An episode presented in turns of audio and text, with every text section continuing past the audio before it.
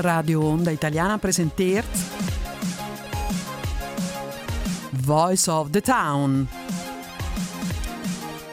Informatie, actualiteit en eigenwijze muziek. Op woensdagavond van 8 tot 9. Voice of the Town.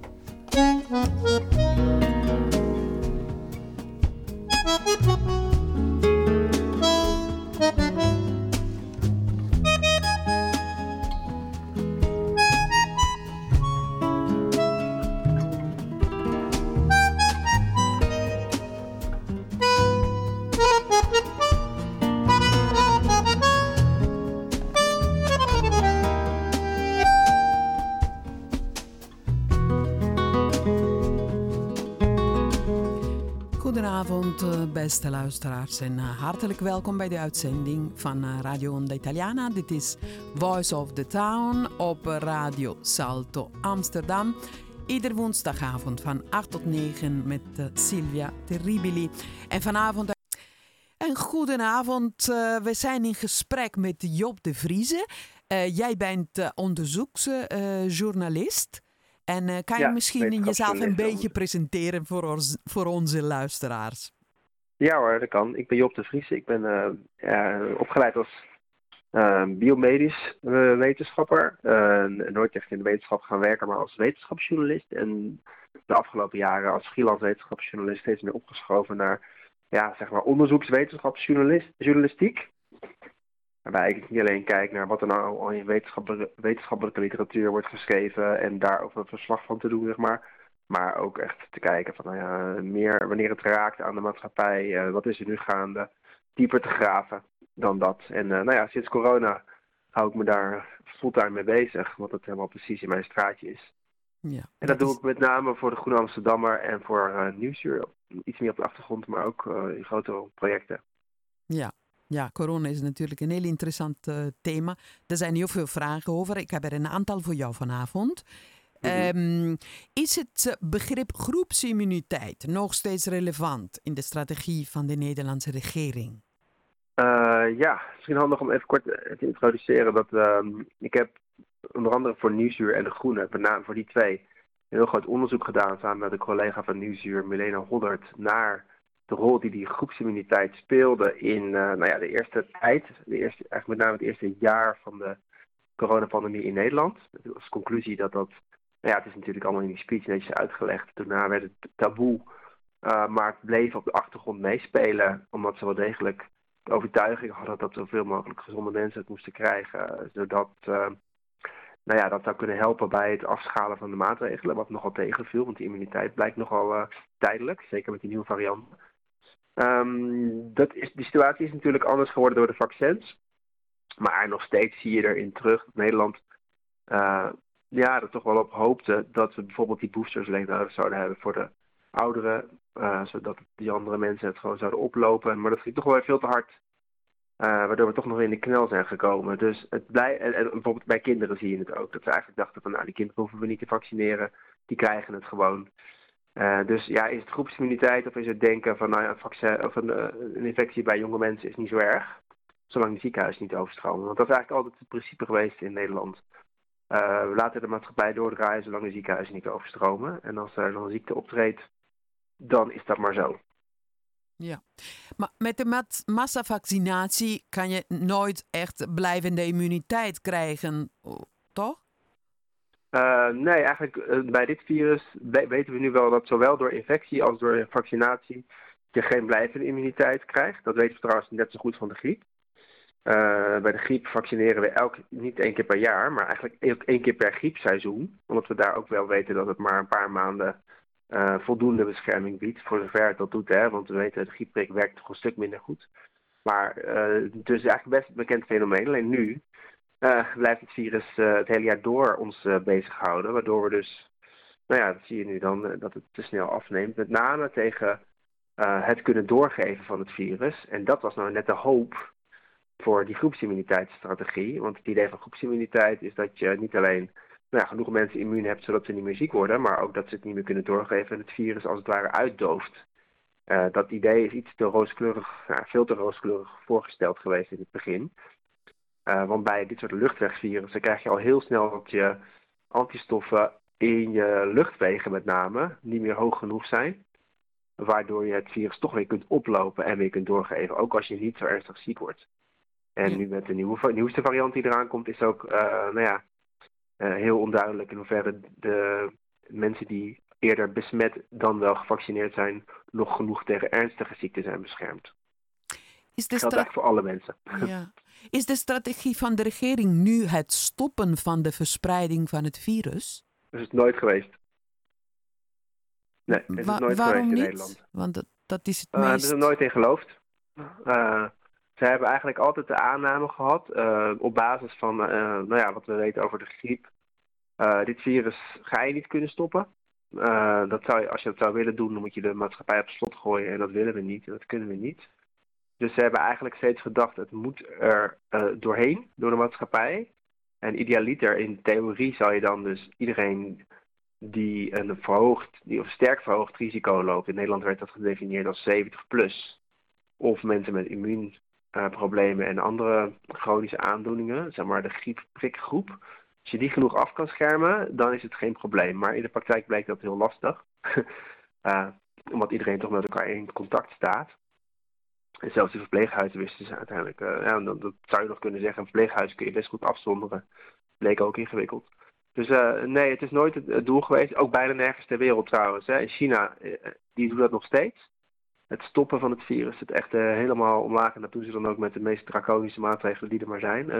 daar kun je ook het een en ander op aanmerken. Dus als je daar komt, moet je echt drie weken in een hotelkamertje in quarantaine. Voordat je naar binnen mag. Dan word je tientallen keren getest en alles. Nieuw-Zeeland heeft het natuurlijk zijn beroemde verhaal een tijd gedaan. Die zijn daar ook vanaf gestapt, net als Australië. Omdat zij hebben geredeneerd als er genoeg mensen gevaccineerd zijn, met name natuurlijk die kwetsbare mensen, dan is het minder erg als het virus nog rondgaat. Nou ja, goed, het is in die zin dezelfde situatie als waar wij nu in zitten.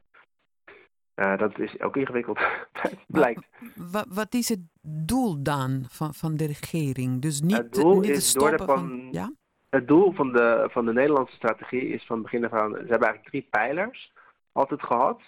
Um, het, uh, of in hoeverre die dan ook gelukt zijn, dat is dan weer een tweede. Maar de pijlers waren eigenlijk het beschermen van de kwetsbaren of afschermen, hoe je het wil noemen. Uh, het, uh, het overeind houden van de zorg. Nou ja, daar kunnen we straks nog iets verder over praten, waarom dat ingewikkeld is steeds. Uh, en als derde het zicht houden op het virus. Nou ja, dat is eigenlijk met name zodat je die andere twee goed zou kunnen doen.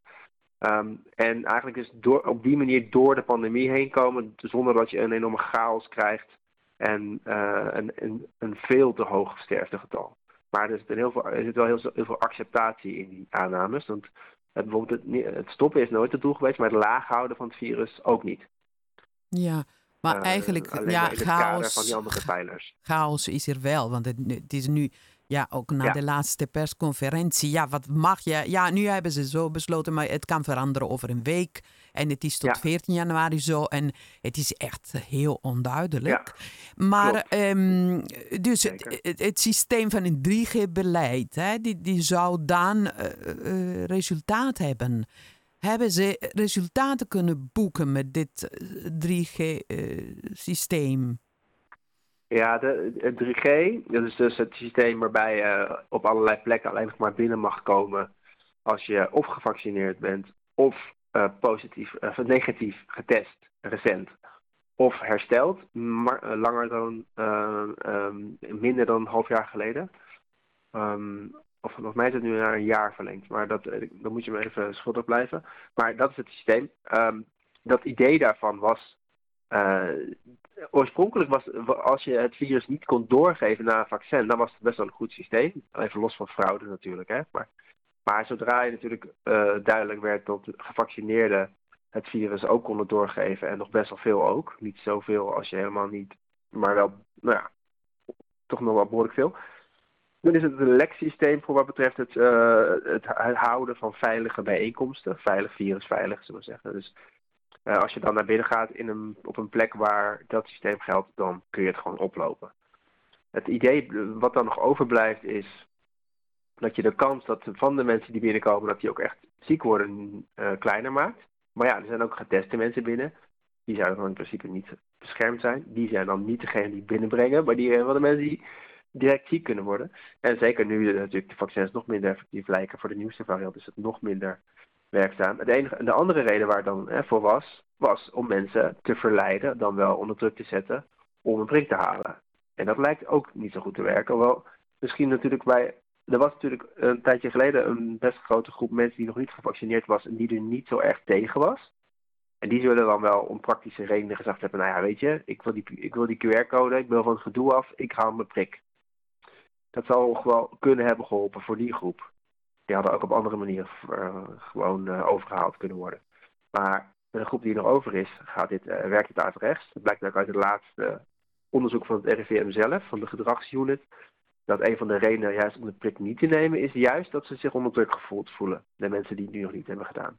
Dus uh, dat, dat werkt averechts. Dus ja, dit, dat systeem is uh, uh, met name, je zou kunnen zeggen, het is bedoeld om zoveel mogelijk dingen te kunnen openhouden onder een soort van idee dat je het niet super gevaarlijk maakt. Maar het is, bij de huidige verspreiding van het virus is het, werkt het niet. En bij een lage verspreiding kun je je weer afvragen of het wel proportioneel is. Maar dat geldt vooral voor 2G natuurlijk. En dat hebben we, nou, het is er niet doorheen gekomen in Nederland, omdat er ook wel duidelijk werd dat daar geen draagvlak voor was en dat het ook weinig zou toevoegen. Ja. Maar het is ook een psychologische feit als je mensen gaat dwingen. Ja, dan gaan ze juist zeggen: ja, waarom moet je mij dwingen? Als het zo goed is, dan. Uh, het werkt psychologisch, hè? Het is echt uh, basis. En, ja, nou, er zijn natuurlijk twee kanten aan. Dat aan de ene kant uh, is dat zo.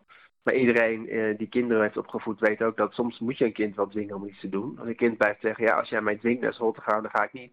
Ja, uh, hij moet toch echt naar school. Weet je, dus dat is wel constant een balans waar je naar moet zoeken. We, hebben ook, een, om het beroemde voorbeeldje maar aan te halen, een gordelplicht in de auto en we mogen niet zoveel, zoveel drinken. Het is ook niet zo dat iedereen massaal met drank op, op straat, uh, met drank op in de auto stapt omdat het niet mag. Dat is ook weer niet zo. Maar uh, wij hebben wel in Nederland de traditie dat we vaccineren, ook omdat het natuurlijk een medische ingreep is in je lichaam, uh, dat we daar en er zijn natuurlijk van oorsprong religieuze bezwaren tegen. Die hebben ervoor gezorgd dat we eigenlijk in Nederland op een heel korte periode daar nooit een vaccinatieplicht hebben gehad. Er is een tijdje een pokkenvaccinatieplicht geweest.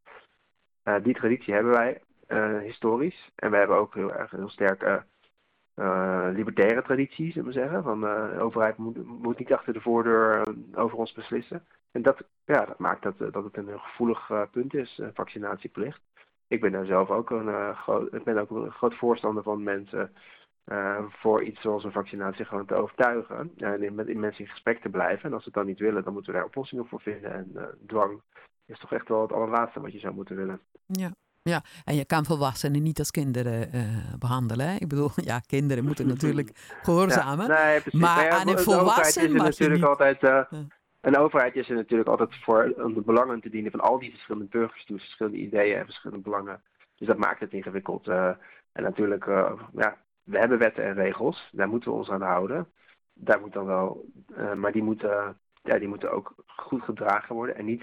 En wat, wat je ook op een gegeven moment zag in Nederland opkomen, dat is best een gevaarlijk principe. Er werd er gezegd, ja, de zwijgende meerderheid, die wil dit. Ja, maar dat is een heel gevaarlijk argument om, een, uh, om een minderheid, in dit geval mensen die zich niet willen laten vaccineren, uh, onder druk te zetten. Zo van, ja, de mensen die nu uh, niet zoveel weerstand bieden, die willen dit ook. Dat is ook wat populisten heel veel doen. beroemde populisten uit de geschiedenis, die zeiden dat de zwijgende meerderheid het met hen eens was. Ja. Dus dat, dat, is ook een gevaarlijke ontwikkeling. Ja. In april 2021 was al 25% van de Nederlandse bevolking immuun tegen het virus. Uh, Dat werd toen verklaard. Hoe komt het dat het acht maanden later en met 85% van de Nederlandse bevolking gevaccineerd Nederland nog steeds in een noodsituatie verkeert? Want die 25% nou, die zou meer worden. Daar, daar, spelen heel veel dingen door elkaar heen. Het was inderdaad, toen was het 25% die hadden het gehad. Ook die uh, verliezen hun immuniteit na een tijdje weer. Is dat bewezen? Is dat bewezen? Ja, want volgens nou sommige studies, er is literatuur hierover. En sommigen mhm. zeggen, als je die, uh, die besmetting een keer hebt gehad en die ziekte een keer hebt gehad, dan ben je immuun voor heel lang. Ja, kijk, er zijn wel een aantal en, dingen. En sommigen zeggen ook voor je hele leven. Ja, dat je ook nou, met mazelen krijgt of zo, of, of, met andere er zijn, ziektes. Er zijn een paar dingen die door elkaar heen spelen hier. En ik probeer het zo helder mogelijk uiteen te zetten. Het ene is dat immuniteit sowieso uit verschillende lagen bestaat. En um, zowel bij immuniteit door een ziekte, door het doormaken van een infectie, als ook door, bij vaccins. Uh, je hebt eigenlijk eerst, de, als jij ziek wordt, dan, nou ja, dan krijg je eerst een, reactie, een ontstekingsreactie. En dan bouw je antistoffen op. En die antistoffen die uh, blijven een tijdje in je bloed aanwezig. En die zorgen ervoor dat je uh, heel snel bij een volgende infectie het weer zo snel on, onschadelijk maakt. Die, die antistoffen die gaan, die verdwijnen na een tijdje weer. Dat is eigenlijk bij elke, elke infectie. Maar dan blijven er wel geheugencellen aanwezig van diezelfde antistoffen, zullen we zeggen. En die maken het weer heel snel aan, diezelfde antistoffen, als je weer opnieuw wordt, wordt uh, besmet. Uh, uh, en daarnaast zijn we ook nog weer de beroemde, dit, zijn dan de B-cellen. die zijn dan de antistoffen. En je hebt daarnaast de T-cellen, dat is maar de tweede linie, en die werken ietsje minder specifiek. En die zijn iets langzamer, maar die helpen, eigenlijk helpen, die, die voorkomen ernstige ziekten. Die, wat die eigenlijk doen is het virus onschadelijk maken zodra het toch is binnengedrongen in de lichaamcellen. Uh, die blijven eigenlijk het langst goed. Maar die zijn ook wat moeilijker aan te triggeren. Dus uh, door een infectie. Als je nauwelijks ziek bent geweest, zijn die misschien wat minder aanwezig. Bij een vaccin kijken ze heel erg naar die antistoffen. Maar als het goed is, maakt een vaccin ook wel die uh, geheugencellen en die T-cellen aan. Dus maar die, wil je echt meteen, wil je echt het niet kunnen, helemaal niet meer kunnen doorgeven, dan moeten die antistoffen echt heel hoog blijven. Maar dat zie je dus, uh, dat zie je weinig. Uh, bij bijvoorbeeld mazelen lijkt het daarop, maar mazelen is natuurlijk ook in die zin niet zo'n luchtwegvirus als dit. Dus dat wordt wel ook via de lucht doorgegeven, maar het werkt, in die zin toch anders dan bij, bij, deze, bij dit virus. En uh, het is heel lang, ik heb zelf ook gekeken naar herinfecties bij, na een gewone infectie. Dat bleef inderdaad vrij lang heel, uh, dat kwam zeker voor. Zeker ook meer dan werd gerapporteerd, maar het was, was wel vrij zeldzaam. Maar nu, met die nieuwste variant, uh, en met Delta ook al, maar met, zeker met Omicron, dan gaat het uh, hard. Want in Zuid-Afrika, waar die Omicron-variant uh, is ontstaan, waarschijnlijk in een. de kans is groot dat het er gebeurd is in een, in een HIV-patiënt die onvoldoende medicatie kreeg, die dus heel lang het virus niet kon wegkrijgen. Wanneer het virus is helemaal is gemuteerd in die persoon. Um, daar, in, in Zuid-Afrika, zijn heel weinig mensen gevaccineerd. Heel veel mensen hebben het gehad en die krijgen het toch allemaal weer. Dus ook die mensen zijn niet meer goed bestand, zeg maar. En dat is gewoon wat het virus dusdanig is aan, uh, veranderd. Uh, dat je de antistoffen die je hebt en de, uh, dat die het niet meer goed genoeg doen. De hoop is dus nu dat die mensen wel allemaal nog die T-cellen hebben en ook daardoor nog genoeg beschermd zijn tegen ernstige ziekten. Dat geldt dan weer niet voor de mensen die het helemaal nog niet gehad hebben en ook niet gevaccineerd zijn. En ook van de gevaccineerden is nu nog de hoop dat die T-cellen er wel nog genoeg voor zorgen dat je niet ernstig ziek wordt van deze variant. Maar dat weten we dus nog niet zo goed. Want op een gegeven moment als het maar dusdanig verandert, dan ben je daar ook niet meer genoeg tegen beschermd. Met name als je uh, diezelfde kwetsbare groepen weer. Dus dat maakt het ingewikkeld. Dus die immuniteit, dat is gewoon geen vasthoudend gegeven. Er blijft steeds weer wat bijkomen en weer vanaf gaan. Uh, en een hele mensen zullen ook meerdere keren zijn blootgesteld, ook dat ze het niet wisten. Dan hebben ze een boostertje gehad, ze moet zeggen. Dat is ook bij Nederland eigenlijk op inzetten. Hè. We gaan de, de ouderen gaan we opnieuw vaccineren en de rest geven we gewoon een natuurlijke booster. Alleen uh, ja, die ziekenhuizen kwamen in, in no time toch weer vol. Ja, en toen hebben ze toch weer, moesten ze toch weer uh, door de bocht, zeg maar. Hm. Toch weer dingen doen die ze niet wilden eigenlijk. Qua maatregelen, beperkingen, dat soort dingen. Ja. Er is toch een percentage mensen die natuurlijk immu immuun zijn. Ze zijn niet ziek mhm. geworden. Uh, ze zijn mhm. niet besmet uh, geworden in al deze twee jaar. Uh, ook al mm. wonen ze samen met, met mensen die besmet zijn geraakt, ziek zijn ja. geweest.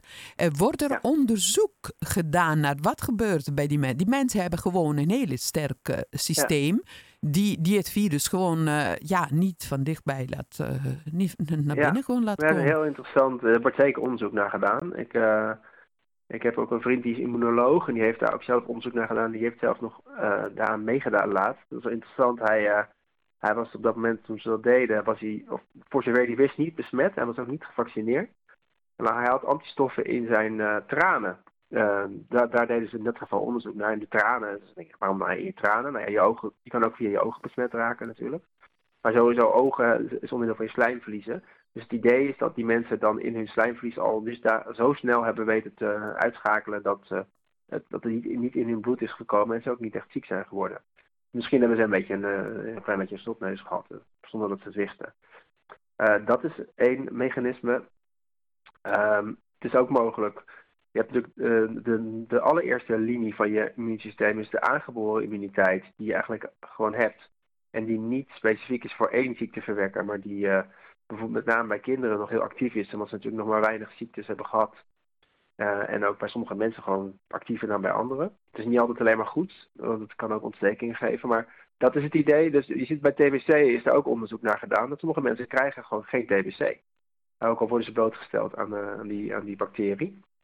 Eh, dus er wordt zeker onderzoek naar gedaan, ook in Nederland, ook onder andere in Nijmegen, bij die onderzoeksgroep.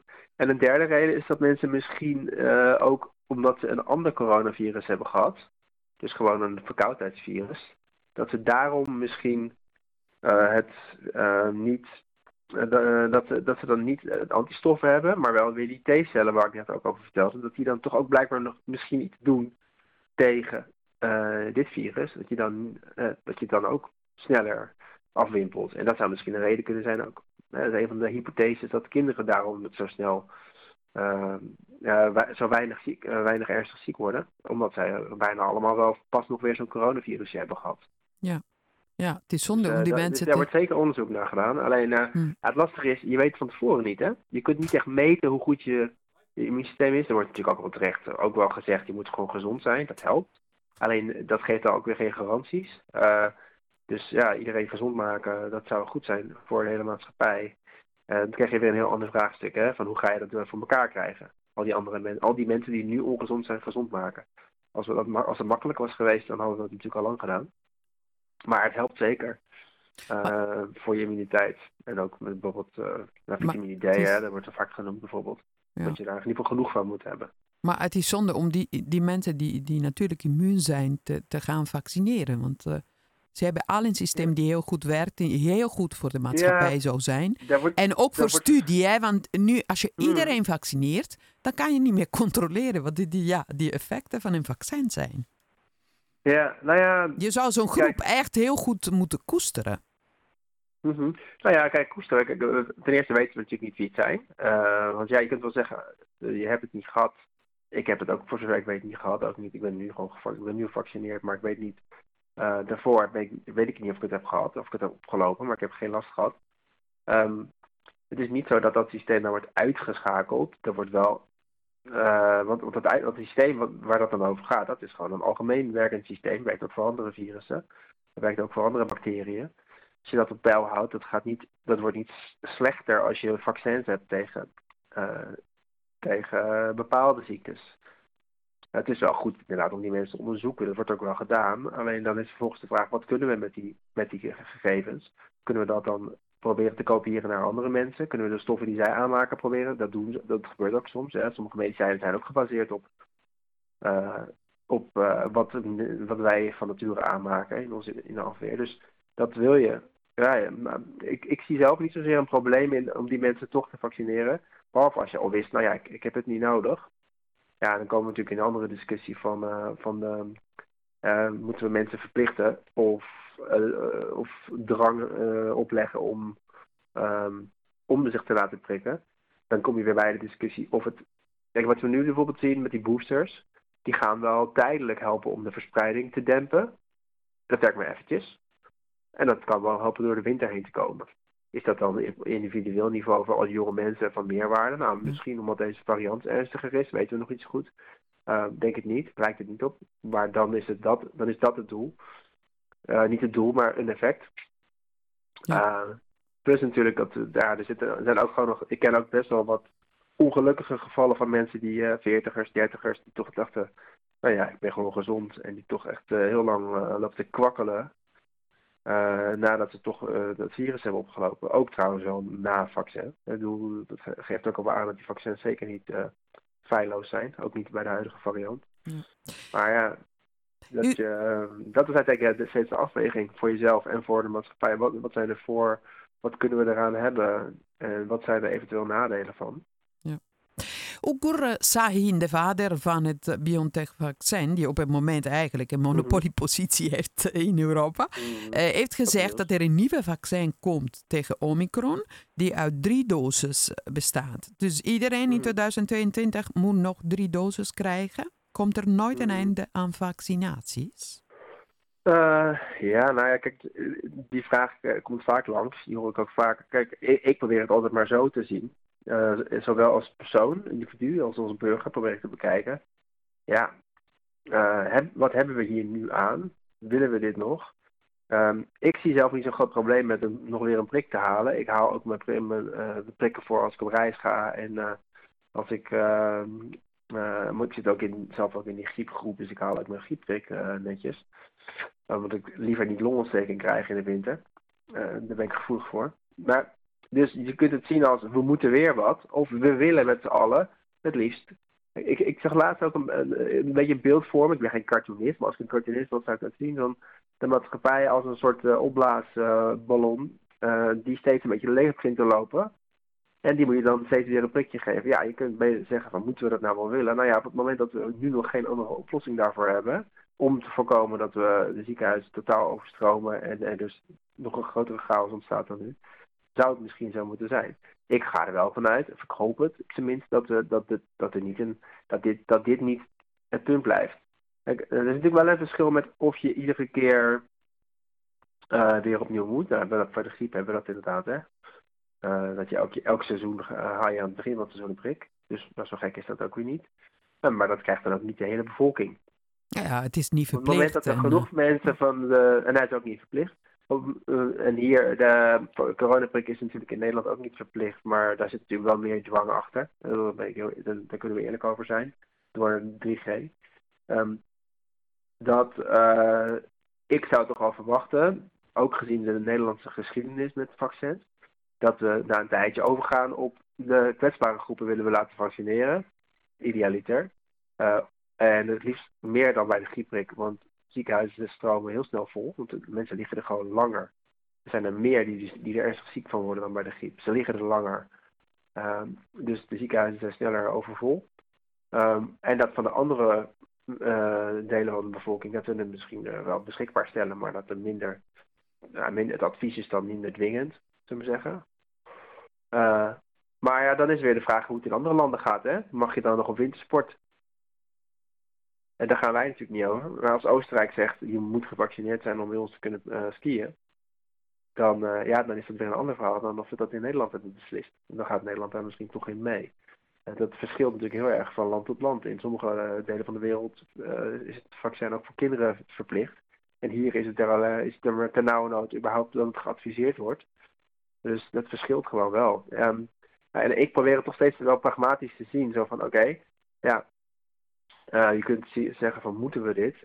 of je kunt zeggen, nou ja, we hebben er met z'n allen baat bij, zolang we niet een betere oplossing hebben. Zo, probeer ik het steeds te bekijken en te wegen. En ook in mijn verslaggeving, zeg maar zeggen, als journalist. Ook steeds die pragmatische kijk erop te blijven hebben. Niet altijd ideologisch voor of tegen of uh, dwingend, maar nou ja, het is nu eenmaal een virus. We, hebben het niet, we kunnen het niet meer wegdenken. We zullen een manier moeten vinden. Als het regelmatig prikken daar onderdeel van is, dan, ehm, dan niet als enige. Dan zou je nog moeten kijken wat we, wat allemaal moeten doen om, hier, om dit nu vanaf nu in te bedden in het leven heel veel mensen horen dan toch steeds uh, allerlei argumenten die tegen, uh, daartegen. En, dat zijn soms legitieme argumenten. Maar wat ik er vaak doorheen hoor is uh, toch het gevoel van, nou, hadden we dat nou maar gewoon helemaal losgelaten. En ja, was je, had je ingestaan voor de gevolgen daarvan? Dat, dat vind ik dan altijd toch weer een lastige discussie. Ja. ja, we gaan ons echt uh, ja, heel erg focussen alleen op vaccins. Maar je zou bijvoorbeeld zeggen, er, gaan miljoenen mensen dood aan de milieuvervuiling. We hebben in Nederland heel veel last van luchtvervuiling. We zitten met heel veel chemicaliën. Uh, ja, uh, er wordt kerosine vanuit de vliegtuigen op de mensen gewoon... ja, ik bedoel, er gebeurt zo, zoveel. En op die punten zijn wij veel laxer ja, dat, dat is Want, waar. Ja, we weten dat de meeste mensen die problemen krijgen met COVID, dat zijn mensen die alle andere uh, ziektes hebben. En met name, ja, bijvoorbeeld uh, allerlei soorten kankers.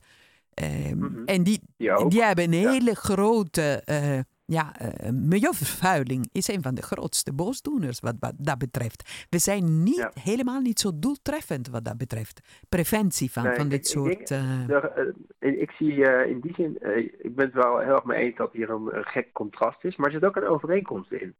Want wat we eigenlijk in Nederland hebben proberen te doen met het virus, en dat bleek heel ingewikkeld, vandaar toch al elke keer die maatregelen, maar zoveel mogelijk de, ma de maatschappij laten doordraaien en dat virus uh, eigenlijk zo min mogelijk bestrijden. Dat is eigenlijk het doel geweest. Dus zo min mogelijk, als de ziekenhuizen het aankunnen, dan kunnen we door. Maar dat bleek heel ingewikkeld met het virus, want het, het, maakt gewoon heel veel mensen ziek. Dat is vervelend. Ja, moeten we toch elke keer maatregelen nemen. Um, datzelfde doen we eigenlijk ook bij al die andere dingen. We willen wel van overgewicht af, maar we moeten wel zo mogelijk uh, vrijheid hebben voor de burgers. Namelijk, iedereen moet kunnen kiezen of hij het zelf wel niet wil kopen. Uh, ondernemers moeten kunnen ondernemen. Uh, datzelfde geldt ook met chemicaliën. Ja, we willen wel dat we van uh, teflonpannen af, hè, want teflon is mogelijk schadelijk. Maar we willen ook die pan. En we willen ook die regenjas. En, we willen, en dat is echt de overheid Nederland toch al heel gauw van ja, nou ja, we gaan kijken wat we eraan kunnen doen, maar we gaan niet te, te hard ingrijpen. Ja, maar Nederland dus, grijpt... diezelfde soort, diezelfde soort effecten steeds. En dat zien we eigenlijk bij COVID ook. Als we het harder hadden aangepakt, waren we er hadden we er in de maatschappij een stuk minder last van gehad. Maar dat, maar dat willen we dan weer niet. Dus dat, en in die zin is net de overeenkomst. En met dat, een groot verschil is natuurlijk dat COVID acuut is. En al die zieken van kanker, die, die treden pas 20, 30 jaar later op. En dat, daar denkt de overheid, nou, we zien het wel. Het roken, dat verbieden we maar niet, want dat uh, moet je niet willen. Terwijl het gewoon, uh, ja, tienduizenden ja, uh, longkankergevallen oplevert per jaar. Ja, maar toch, als de regering wil, dan gaan ze van de ene dag op de andere iets, uh, hele harde maatregelen, zoals lockdowns en dat soort dingen. Nou, dat hebben we niet gehad, hè? Nou, vorig jaar wel. Ze hebben het zo genoemd. Ze hebben het zo genoemd. Maar lockdown is dat je echt je huis niet uit mag. Maar goed, dat terzijde. Maar harde maatregelen kan wel de regering nemen. En de mensen zullen gehoorzamen natuurlijk als er een gevaar is. maar ja, als je in de supermarkten loopt, dan, dan zie je zoveel, ja, zoveel snoep, zoveel. Maar oké, dat uh, je mijn vraag beantwoordt. Ik heb een andere vraag over uh, um, waarom wordt er in Nederland uh, heel weinig aandacht besteed aan ernstige reacties en overlijdens na het COVID-vaccins. Volgens het LAREB, dat zijn het alleen dit jaar 577 overlijdens en 4056 ernstige bijwerkingen. Wat gebeurt er met deze mensen? Kunnen zij vrijgesteld worden van vaccinatie? En ook al kan je niet bewijzen dat dit door het vaccin komt. Als je na een mhm. week na je vaccin ernstig ziek wordt, hè, of, mhm. eh, ja, dan ga je dat toch. Uh, en het wordt ook niet onderzocht of het echt door het nou, vaccin komt. Ja, het is ingewikkeld. Ik, ik moet alleen allereerst zeggen, ik, ik, ben, ik, probeer, ik heb, ik heb er ook best wel wat over geschreven, over uh, vaccinbijwerking. Ik ben net nog weer bezig geweest met dingen uit te zoeken hierover, over de myocarditis. Um, dus ja, er wordt wel over geschreven, er wordt ook wel over bericht. Ook collega's van mij bij Nieuwsuur hebben er laatst een item over gemaakt. Maar het is inderdaad um, uh, heel, het is ingewikkeld. Het is, um, het is gevoelige materie, zullen we zeggen. Dus je wil echt de, heel goed beslagen ten ijzer komen. Je wil echt het goed uh, uitzoeken. En uh, het wordt vervolgens. Uh, kijk, nou, de, deze cijfers, je noemt het zelf wel erbij. Van, je kunt het niet bewijzen dat het ook echt daadwerkelijke bijwerkingen zijn als het gemeld is. Dat, dat is natuurlijk een belangrijke disclaimer. Daar staat even tegenover dat het omgekeerde ook niet zo is. Het is ook niet zo dat als iets na een vaccin gebeurd is, dat het dan alleen maar na een vaccin gebeurd is. We weten bijvoorbeeld van de myocarditis wel degelijk dat met name na het Moderna-vaccin, dat dat onder jonge mensen, jonge mannen met name, gewoon toeneemt. En dus daar wordt ook wel gewoon iets mee gedaan. Ik vind het wel mee eens dat, het, uh, dat er omzichtig over gedaan wordt. En dat men heel voorzichtig is en misschien wel te voorzichtig. Uh, ook over de media in het algemeen, uh, wanneer het hierover gaat. omdat het zo ingewikkeld en gevoelig ligt. En omdat er nou ja, in de media waar er dan wel over bericht wordt, wat dan natuurlijk gewoon een beetje gezegd de, de alternatieve media of zo. Daar, daar, daar, lees ik ook, dat hou ik ook best wel op bij natuurlijk, want daar verschijnen ook dingen die soms relevant zijn. Maar dan gaat het vaak weer zo kort door de bocht dat er inderdaad niet die disclaimer erbij wordt gemeld van uh, we weten niet of het erdoor komt. Ja, dan, dan is het ook, dat is ook weer niet verantwoord. Dus we moeten, we moeten het gewoon echt heel goed en degelijk en, doen. Ik heb zelf op een gegeven moment ook een reconstructie geschreven over de Mexicaanse griep, uh, dat, het vaccin daartegen, Pandemrix. Daar werd ook eerst moeilijk over gedaan, maar daar werd wel degelijk over bericht. Het is niet als, zo dat het echt volledig wordt onderdrukt. Het is alleen wel, er zullen best partijen zijn die proberen te onderdrukken. Hè? Ik bedoel, de fabrikant zit er natuurlijk niet op te wachten dat als er negatieve berichten komen over een vaccin. Dat, ik heb ook geschreven over de anafylactische reacties, dus de allergische reacties, die kort op al snel naar boven kwamen na de uh, Pfizer-vaccins en over die stollingsreacties na de AstraZeneca-vaccins. Uh, vaccins. Daar heb ik ook over bericht. Dus we doen ons best. Um, dat wil niet zeggen dat we het er constant alleen maar de hele tijd over hebben, want we, we proberen over alle aspecten te schrijven en steeds in de context te plaatsen van ja, oké, die myocarditis treedt ook wel degelijk veel op na na de, de, infectie. Maar omdat het bij jonge mensen na Moderna meer lijkt op te treden na de prik dan na de infectie, ja, dan moeten we daar rekening mee houden en het uh, misschien niet aan jonge mensen geven, bijvoorbeeld. Dat, uh, dat soort dingen. Het, het, is, het is een lastig onderwerp. Ik ben het wel, zeg maar, ik, zeg, ik ben er niet mee eens dat er niet over bericht wordt. Wel dat het hier en daar misschien meer kan, maar je moet gewoon echt, ook echt heel goed snappen en uitzoeken. En dat is niet altijd even goed uh, te doen, voordat je... Uh, want wat, wat, wat je, aan de andere kant zie je dan vaak dat mensen in die Amerikaanse gegevens duiken van de Amerikaanse laren, de VAERS, en daar allerlei conclusies aan verbinden die gewoon, uh, dat, kan, dat klopt gewoon niet. Ja, hoe graag je dan ook wil zien dat er mensen overlijden aan vaccins. het zal toch echt gewoon eerst moeten uitzoeken. Uh, zo goed mogelijk. Maar tegelijkertijd moeten we ook oog houden voor die verhalen die er zijn. Want ja, die verhalen zijn er, de voorbeelden zijn er. de, de, de casussen, zullen we zeggen, de mensen die dit soort dingen lijken op te treden, lijkt te zijn gebeurd. ik, ik heb met dat soort mensen ook contact soms en ik probeer die verhalen ook gewoon mee te nemen. Dus ja, het blijft ingewikkeld. Ja, en je hebt natuurlijk ook te maken met de macht van de farmaceutische industrie, die ook heel veel financiert, ook wetenschappelijke bladen en ja, nou ja, dat ook, is wel, ook de media uiteraard, hè, want ze hebben heel veel geld. En uh, ja, dan uh, heb je soms ook gewoon belangen. Ik bedoel, als ja, je voor, voor zo'n bedrijf maar... gaat werken en als wetenschapper en je komt iets vervelend tegen over ernstige bijwerkingen, dan mag je dat niet vertellen. Dan moet je dat een beetje verdoezelen. Dat, dat staat in de contracten van wetenschappers die voor dit soort bedrijven gaan werken. Dat, het is helaas zo. Waar, waar, waar het hiermee mee staat of valt, is, uh, is inderdaad uh, uh, controle van de macht. En dat gebeurt dan hè, op papier, gebeurt dat door de instanties die, die, daarvoor zijn. En, maar daar moet ook weer controle op zijn. En daar zijn wij onder andere dan de journalisten weer voor. Ik, heb, ik kan in ieder geval uit eigen ervaring spreken. Ik heb wel eens, mee, wel eens met farmaceutische bedrijven moeten dealen, zeg maar zeggen dealen. Misschien niet in dat ik met hen een deeltje maak, maar met hen moeten om te gaan omdat ik schrijf over hun producten of over uh, vaccins met name. En dat ze wat eigenlijk natuurlijk die proberen te beïnvloeden, maar ik heb nooit ge, uh, omdat ze gewoon uh, hun belang dienen, zeg maar. Ze proberen je te sturen in wat zij denken dat het verhaal is en, dat het belang, het, belang, is voor de maatschappij ook en zo, volgens hun. Maar het, het, dat, je, dat ze je echt censureren of dat ze echt via redacties druk opleggen om wel dingen in het niet te schrijven. Daar kan ik van zeggen, dat is mij in ieder geval nooit overkomen. Um, ik ben wel, ook dus dat betreft, gewoon kritisch ook naar, hè, naar die organisaties zoals de FDA of de EMA in hoeverre die, die daar 100% op kan varen. Want die zitten in een krachtenveld met overheden, met bedrijven, met met ja, en zij worden ook grotendeels gefinancierd. Hè? De wil het vaccin ook. Ja, ja, klopt. Maar dat, dat is natuurlijk ook een, log, heeft ook een logische reden. De farmaceuten moeten die organisatie betalen voor het werk wat ze doen om hun producten te keuren. Ja, ja maar dan... Uitleggen als, ze zijn in hun macht. Mm. Uh, het is niet zo dat, uh, die, uh, zoals dat simpel gesteld is, wie bepaalt, die betaalt. Wie betaalt, die bepaalt. Het is ook niet zo dat ze kunnen zeggen, nou dan betalen we je niet meer, want dan komen die producten niet op de markt. Dus in die zin, dat vind ik niet eens zo'n raar ding.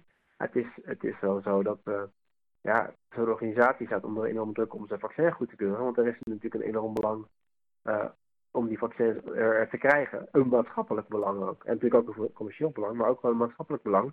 Maar daar moeten we wel oppassen. De overheid heeft het belang dat we die vaccins krijgen. Uh, zodat we door kunnen met ons leven. Uh, voor zover dat nu nog lukt, maar tot op zekere hoogte. maar daar moeten we ook heel kritisch blijven. Want ja, je wil ook weer niet iets goedkeuren wat te makkelijk, te makkelijk goedgekeurd is. En er is wel degelijk natuurlijk een versneld proces gaande geweest. Uit nood. Dat kan ik me heel goed voorstellen, maar dan moet je er extra scherp op zijn. Ja. Ook als uh, journalistiek. Uh, en, en een vraag over uh, die gain of function technieken in de Verenigde Staten, Canada en Australië. Maakt men zich grote mm -hmm. zorgen om deze technieken? waarbij ja. pathogenen genetisch gemodificeerd worden om ze agressiever en gevaarlijker uh, voor de mensen te maken. In Rotterdam ja. voeren ze ook gain-of-function experimenten met zeer gevaarlijke virussen. Uh, zijn jullie als onderzoeksjournalisten hierin uh, geïnteresseerd? Want er is een indrukwekkende wetenschappelijke literatuur hierover. Gain of function van virussen is in feite het ontwikkelen van biologische wapens. Dat kun je het zien. Zo kun je het zien. Um, nou kijk, ik, uh, het is zeker een onderwerp wat op de agenda staat, uh, ook van wetenschappers die zich daar zorgen over maken. Uh, en ook, ik heb me daar ook al wel destijds wel, ik heb er niet uitgebreid over geschreven voor corona, maar wel me daar mee bezig gehouden op een gegeven moment, eventjes met hoe, hoe zit het nu. Ik, ik had hem op mijn lijstje staan, zullen we zeggen, want inderdaad, um, ook in Rotterdam werken ze dan met, met griepvirussen. En kijk, het heeft natuurlijk het heeft wel de vogelgriepvirus is... Uh, ja, het heeft, wel degelijk een, uh, het heeft wel degelijk een academisch en maatschappelijk doel. Namelijk, je wil weten wat het virus kan. Hoe snel kan het veranderen naar iets gevaarlijkers. Wat zou je er tegen kunnen doen? Al dat soort dingen. Dat is het doel. Wat ze, daar durf ik nog wel van uitgegaan in Rotterdam. Zal dat het doel zijn. En dan kunnen... Maar um, ja, dat is hetzelfde als met onderzoek doen naar, naar nucleaire energie. Daar komt ook een kernbom uit voort. Dus ja, dat is wel degelijk iets waar je heel scherp op moet zijn. En daarom weet er ook, zijn er ook wetenschappers zeggen, dat moet je maar gewoon überhaupt niet doen, dat onderzoek. In ieder nou, geval... Het is, nou, is een beetje de discussie of dat in het Wuhan-lab, uh, in welke mate dat daar ook echt kernfunctie ja. werd gedaan. Uh, maar er zijn natuurlijk allemaal links met allerlei labs. En, Ehm, die, die theorie, de, de, de, theorie over waar het virus vandaan gekomen is, daar zijn we, nog, zijn we voorlopig nog mee bezig, denk ik. Um, dat, dat is ook een heel interessant on onderwerp. Ja, ik ben er uh, een apart interview over opnemen. Ja, zeker. Ik ben ja. er echt uh, twee jaar hiermee bezig en het is ontzettend interessant. ja. Van, uh, van, de, van die wetenschappers die daar heel erg in zitten. Maar goed. Maar, ja, nee, ja, dus, uh, dus uh, ik denk dat het, uh, er wel, het zou zomaar kunnen dat daar nieuwe regels voor komen. Want dat is, daarom is die discussie over de oorsprong zo belangrijk. Als het toch uit het lab gekomen is, komen er strengere labs. lang, er zullen er waarschijnlijk strenge regels voor labs komen. Net omdat er na terroristische aanslagen strengere regels voor vliegvelden komen, zijn gekomen. Um, dus ik denk wel dat daar die discussie daarover nog wel echt verder gevoerd wordt. Of er nou strenge regels komen, of dat niet meer mag, of dat het uh, uh, onder andere voorwaarden. Uh, daar moet iets mee. Ja, het zou heel belangrijk zijn om daar onderzoek over te doen. Ook omdat, kijk, wat voor zin heeft het om virussen gevaarlijker te maken? Ik bedoel, als wij de natuur ja, bestuderen, je, als wij. Je wil weten. Ja, maar als, als wij dit virus gaan sequenceren bijvoorbeeld, iets wat wij ook, ook niet te, te, veel doen. Als wij dat gaan doen, dan komen we veel meer achter dan uh, zelf uh, een beetje uh, ja, gaan spelen met dit soort virussen om ze nou ja, het gevaarlijker te maken. Ik, ik, heb een coronaviroloog gesproken die zei iets vergelijkbaars. Die zei eigenlijk van ja, je kunt wel proberen in het lab gaan sleutelen, maar het grootste experiment vindt nu gewoon in, die, in het wild plaats. Ja. Ja, we bestuderen wat nu ge gebeurt. En, ja. en ook zeg, gewoon in al die, op al die wild, wildmarkten en al die grotten met vleermuizen. Um, daar, daar, daar wordt veel meer gesleuteld door de natuur eh, dan, dan wij zelf kunnen. Dus eigenlijk zou je kunnen zeggen, het, het maakt niet eens zoveel uit wat wij in het lab doen, want het gevaar komt toch wel. Maar dan uit de natuur. Ja, ja. dus, dus dan zijn we eigenlijk maar een nietig wezentje wat ook een beetje sleutelt. Zo kun je het ook zien. Maar het is een beetje, een beetje raar. Want als jij in Rotterdam uh, naar buiten zou stappen met dat vogelgriepvirus uh, uh, op je, dan, ben je wel degelijk een gevaar natuurlijk. Nee. Als het zo simpel zou zijn. Zeker, maar ja, zo be meer bekendheid daaraan geven, dat zou ook belangrijk zijn. Um, ja. En laatste vraag gaat het over ja, ons probleem wassen is en krappe IC-capaciteit. En mhm. eigenlijk eh, de ontmanteling van de zorgen door de uh, regeringen die al ja, twintig jaar de gezondheidszorg een beetje aan het ontmantelen zijn. Wat doet de mhm. regering om deze capaciteit te vergroten? Ja, maar het zijn, twee, het zijn ook weer een paar dingen, een paar vragen in één. Kijk, uh, het klopt dat de zorg steeds, uh, uh, steeds op bezuinigt. Er is natuurlijk ook een reden voor. Hè? We vergrijzen en we willen onze zorgpremies betaalbaar houden. Je zou kunnen zeggen, zet meer op preventie in en wat minder op uh, het behandelen van mensen die al heel ziek zijn. Dat wordt ook goedkoper, maar dat is een andere discussie. Um, dan vervolgens dus de, die, dat die zorgcapaciteit het probleem werd, dat was een gevolg van onze strategie. De strategie was, we gaan door tot de zorgcapaciteit vol is. En dan gaan we ineens ingrijpen. Um, dan wordt je zorgcapaciteit een beperkende factor. Dan wordt je een bottleneck. En dat risico is ook, op het moment dat je dus de zorgcapaciteit erbij maakt, hadden ze kunnen doen. Nou, dat was niet zo makkelijk, maar het had best gekund in theorie. Dan was je eigenlijk gewoon ietsje langer doorgegaan. Dan moest je alsnog dezelfde maatregelen nemen, maar dan had je alleen wat meer zieken gehad.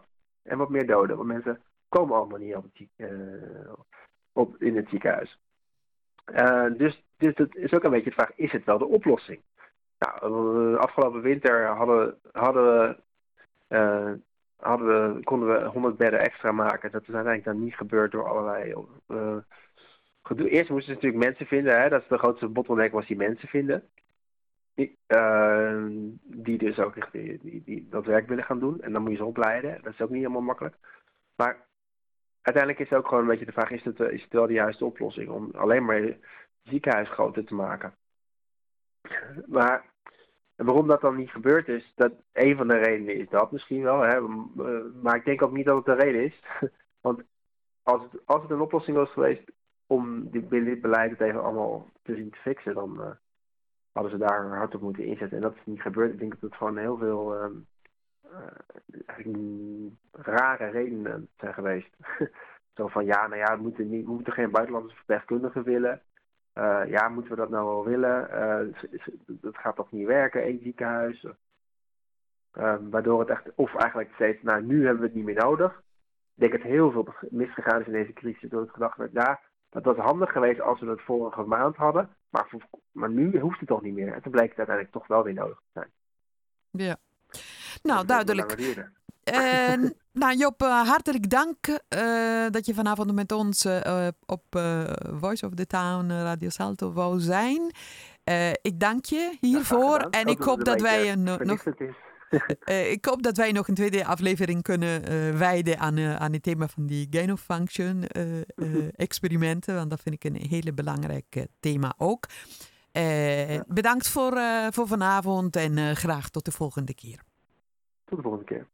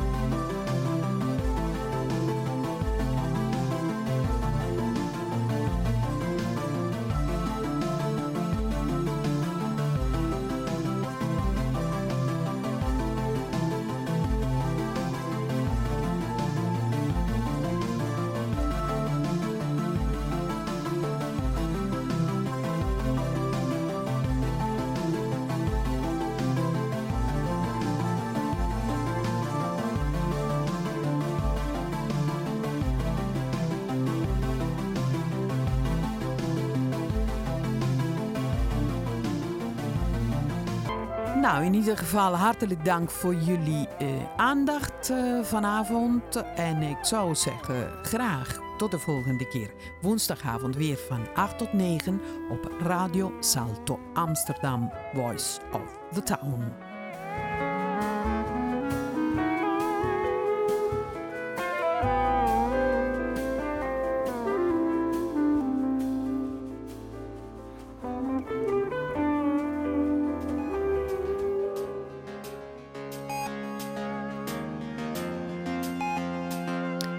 Luisterde naar Voice of the Town met Silvia Terribili. Informatie, actualiteit en eigenwijze muziek.